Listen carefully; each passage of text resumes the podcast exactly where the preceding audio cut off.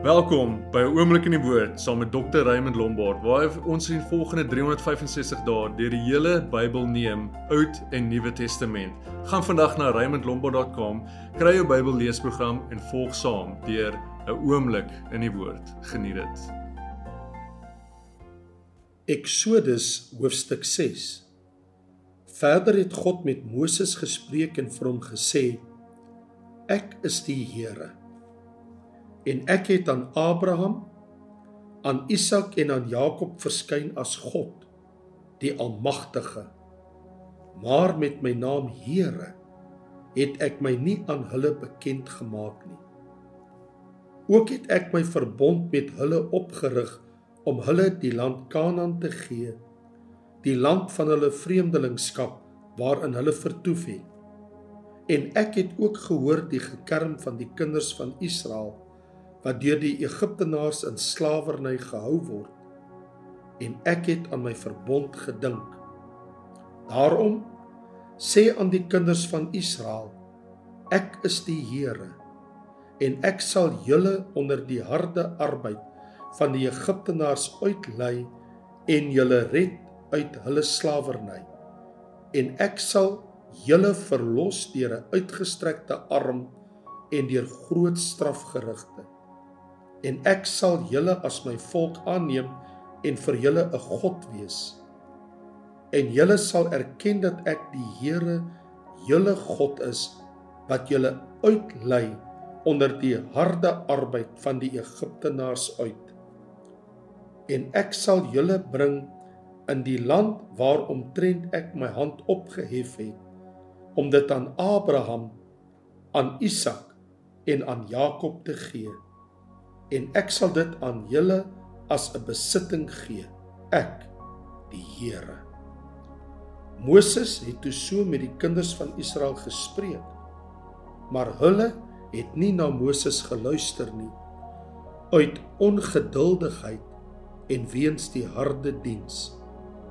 Verder het die Here met Moses gespreek en gesê gaan spreek met Farao die koning van Egipte dat hy die kinders van Israel uit sy land moet laat uittrek.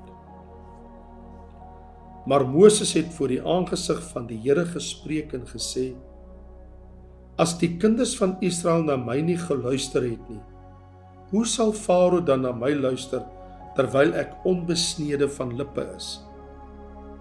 Daarop het die Here met Moses en Aaron gespreek en hulle met 'n boodskap gestuur na die kinders van Israel en na Farao, die koning van Egipte, om die kinders van Israel uit Egipte land uit te lei. Dit is die hoofde van hulle families. Die seuns van Reuben, die eersgeborene van Israel, Henog en Pula, Hesron en Karmi. Dit is die geslagte van Reuben en die seuns van Simeon, Jemeel en Jamin en Ohad en Jagen en Soar en Saul, die seun van die Kanaanitiese vrou. Dit is die geslagte van Simeon. En dit is die name van die seuns van Levi volgens hulle afstamming: Gerson en Kehat en Merari en die lewensjare van Levi was 137 jaar. Die seuns van Gerson, Lipni en Semai volgens hulle geslagte. En die seuns van Kehat, Amram en Jesar en Hebron en Usiel. En die lewensjare van Kehat was 133 jaar. En die seuns van Merari, Magli en Musi. Dit is die geslagte van Levi volgens hulle afstamming. En Amram het Jochebed, sy tante, vir hom as vrou geneem en sy het vir hom Aaron en Moses gebaar. En die lewensjare van Amram was 137 jaar. En die seuns van Jesar, Korag en Neervig en Sigri en die seuns van Usiel, Misael, Elsafan en Sitri. En Aaron het Eliseba, die dogter van Aminadab, die suster van Nagson, vir hom as vrou geneem. En sy het vir hom gebaar Nadab en Abihu, Eliezer en Itamar. En die seuns van Korag, Aser, Elkana en Abisaf. Dit is die geslagte van die Koragiete. En Eliezer, die seun van Aaron, het vir hom een van die dogters van Tiel as vrou geneem en sy het vir hom Pinjas gebaar. Dit is die familiehoofde van die Lewiete volgens hulle geslagte. Dit is Aaron en Moses aan wie die Here gesê het: "Lei die kinders van Israel uit Egipte land volgens hulle leerskare." Dit is hulle wat met Farao, die koning van Egipte, gespreek het om die kinders van Israel uit Egipte uit te lei. Dit is Moses en Aaron. Die dag toe die Here met Moses gespreek het in Egipte land, het die Here Moses aangespreek met die woorde: Ek is die Here. Sê aan Farao, koning van Egipte, alles wat ek met jou spreek. Toe sê Moses voor die aangesig van die Here: Ek is onbesnede van lippe. Hoe sal Farao dan na my luister? Genesis Exodus hoofstuk 7 En die Here het aan Moses gesê: Kyk, ek stel jou as 'n God vir Farao en jou broer Aaron sal jou profeet wees. Jy moet spreek alles wat ek jou beveel en jou broer Aaron moet met Farao spreek sodat hy die kinders van Israel uit sy land laat uittrek. En ek sal Farao se hart verhard en my tekens en wonders in Egipte land vermenigvuldig. Maar Farao sal na julle nie luister nie. En ek sal my hand op Egipte lê en my leerskare, my volk, die kinders van Israel, deur groot strafgerigte uit Egipte land uitlei. Dan sal die Egiptenaars weet dat ek die Here is. As ek my hand oor Egipte uitstrek en die kinders van Israel tussen hulle uitlei. Moses en Aaron het toe gedoen soos die Here hulle beveel het. So het hulle gedoen. En Moses was 80 jaar en Aaron 83 jaar oud toe hulle met Farao gespreek het. En die Here het Moses en Aaron aangespreek met die woorde: As Farao met julle spreek en sê: "Doen tog 'n wonderteken vir julleself."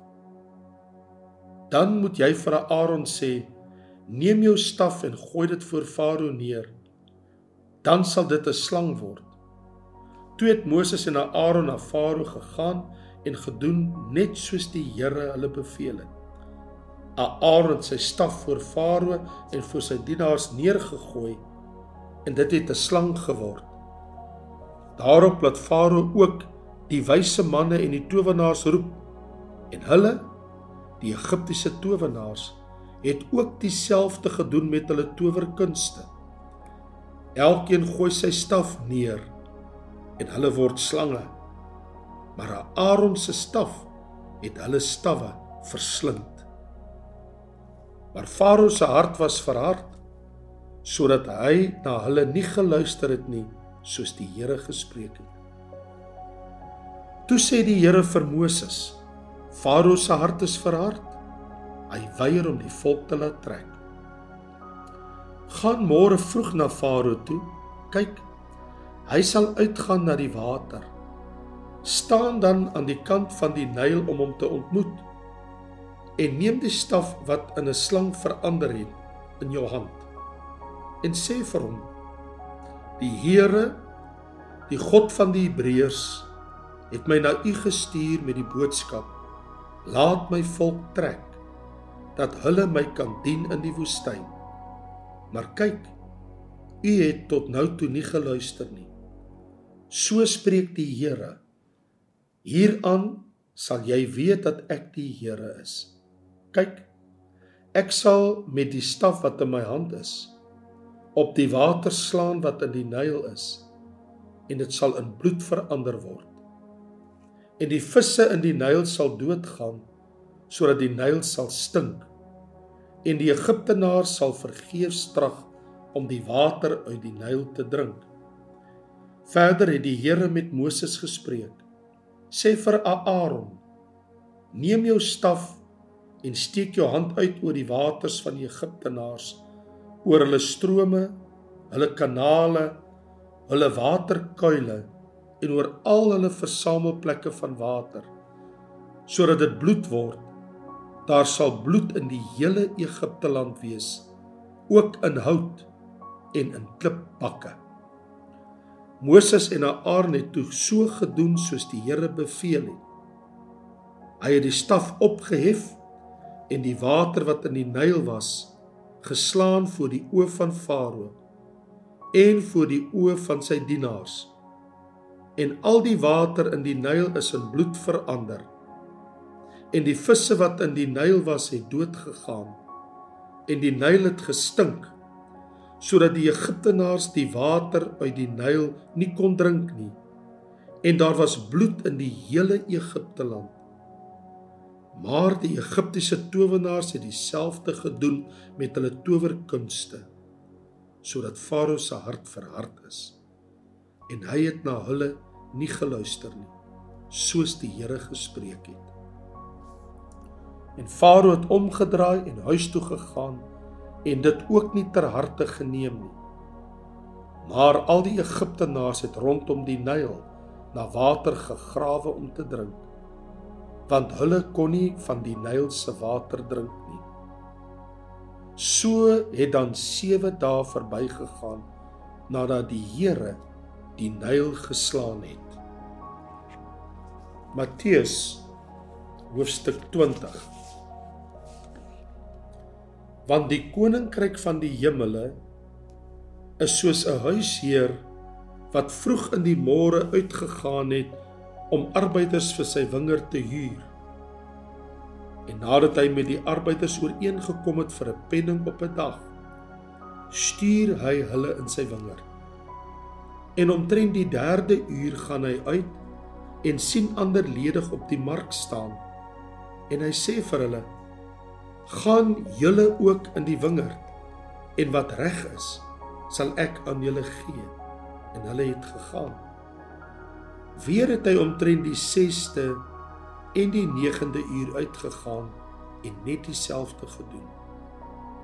En omtrent die 11de uur gaan hy uit en vind ander ledig staan en sê vir hulle wat staan julle hier die hele dag ledig Hulle antwoord hom omdat niemand ons gehuur het nie. Hy sê vir hulle: "Gaan julle ook in die wingerd en wat reg is, sal julle ontvang." En toe dit aand geword het, sê die heer van die wingerd vir sy opsigter: "Roep die arbeiders en betaal hulle hul loon en begin van die laaste af tot die eerstes." En die wat omtrent die 11de uur begin het, het gekom en elkeen 'n penning ontvang. Die eerstes kom toe en dink dat hulle meer sal ontvang. En hulle het ook elkeen 'n penning ontvang.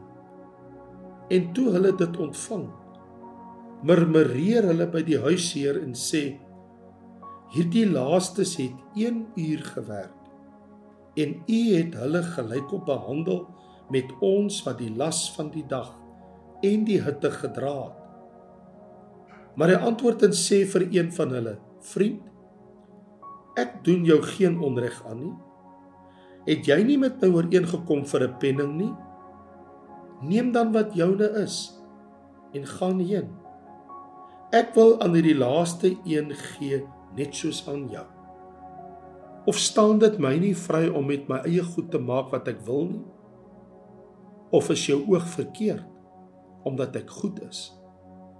so sal die wat laaste is eerste wees en die wat eerste is laaste want baie is uitgeroep maar min uitverkies en toe Jesus opgaan na Jerusalem het hy die 12 disippels op die pad alleen geneem en vir hulle gesê kyk ons gaan op na Jerusalem en die seun van die mens sal oorgelewer word aan die owerpriesters en skrifgeleerdes en hulle sal hom tot die dood veroordeel. En hom oorlewer aan die heidene om hom te bespot en te gesel en te kruisig. En op die derde dag sal hy opstaan toe kom die moeder van die seuns van Zebedeus met haar seuns na hom en buig voor hom neer om hom iets te vra. En hy sê vir haar wat wil jy hê? Sy antwoord hom sê dat hierdie twee seuns van my in u koninkryk mag sit een aan u regter en een aan u linkerhand. Maar Jesus antwoord en sê vir hulle julle weet nie wat julle vra nie kan julle die beker drink wat ek aanstonds gaan drink en gedoop word met die doop waarmee ek gedoop word? Hulle sê vir hom ons kan. En hy sê vir hulle dis waar. My beker sal julle drink en met die doop waarmee ek gedoop word, sal julle gedoop word. Maar om te sit aan my regter en aan my linkerhand berus nie by my om te gee nie, maar is vir hulle vir wie dit deur my Vader berei is. En toe die 10 dit hoor, was hulle verontwaardig oor die twee broers. Maar Jesus het hulle naam geroep en gesê: Julle weet dat die owerstes van die nasies oor hulle heers en die groot manne oor hulle gesag uitoefen. Maar so moet dit onder julle nie wees nie.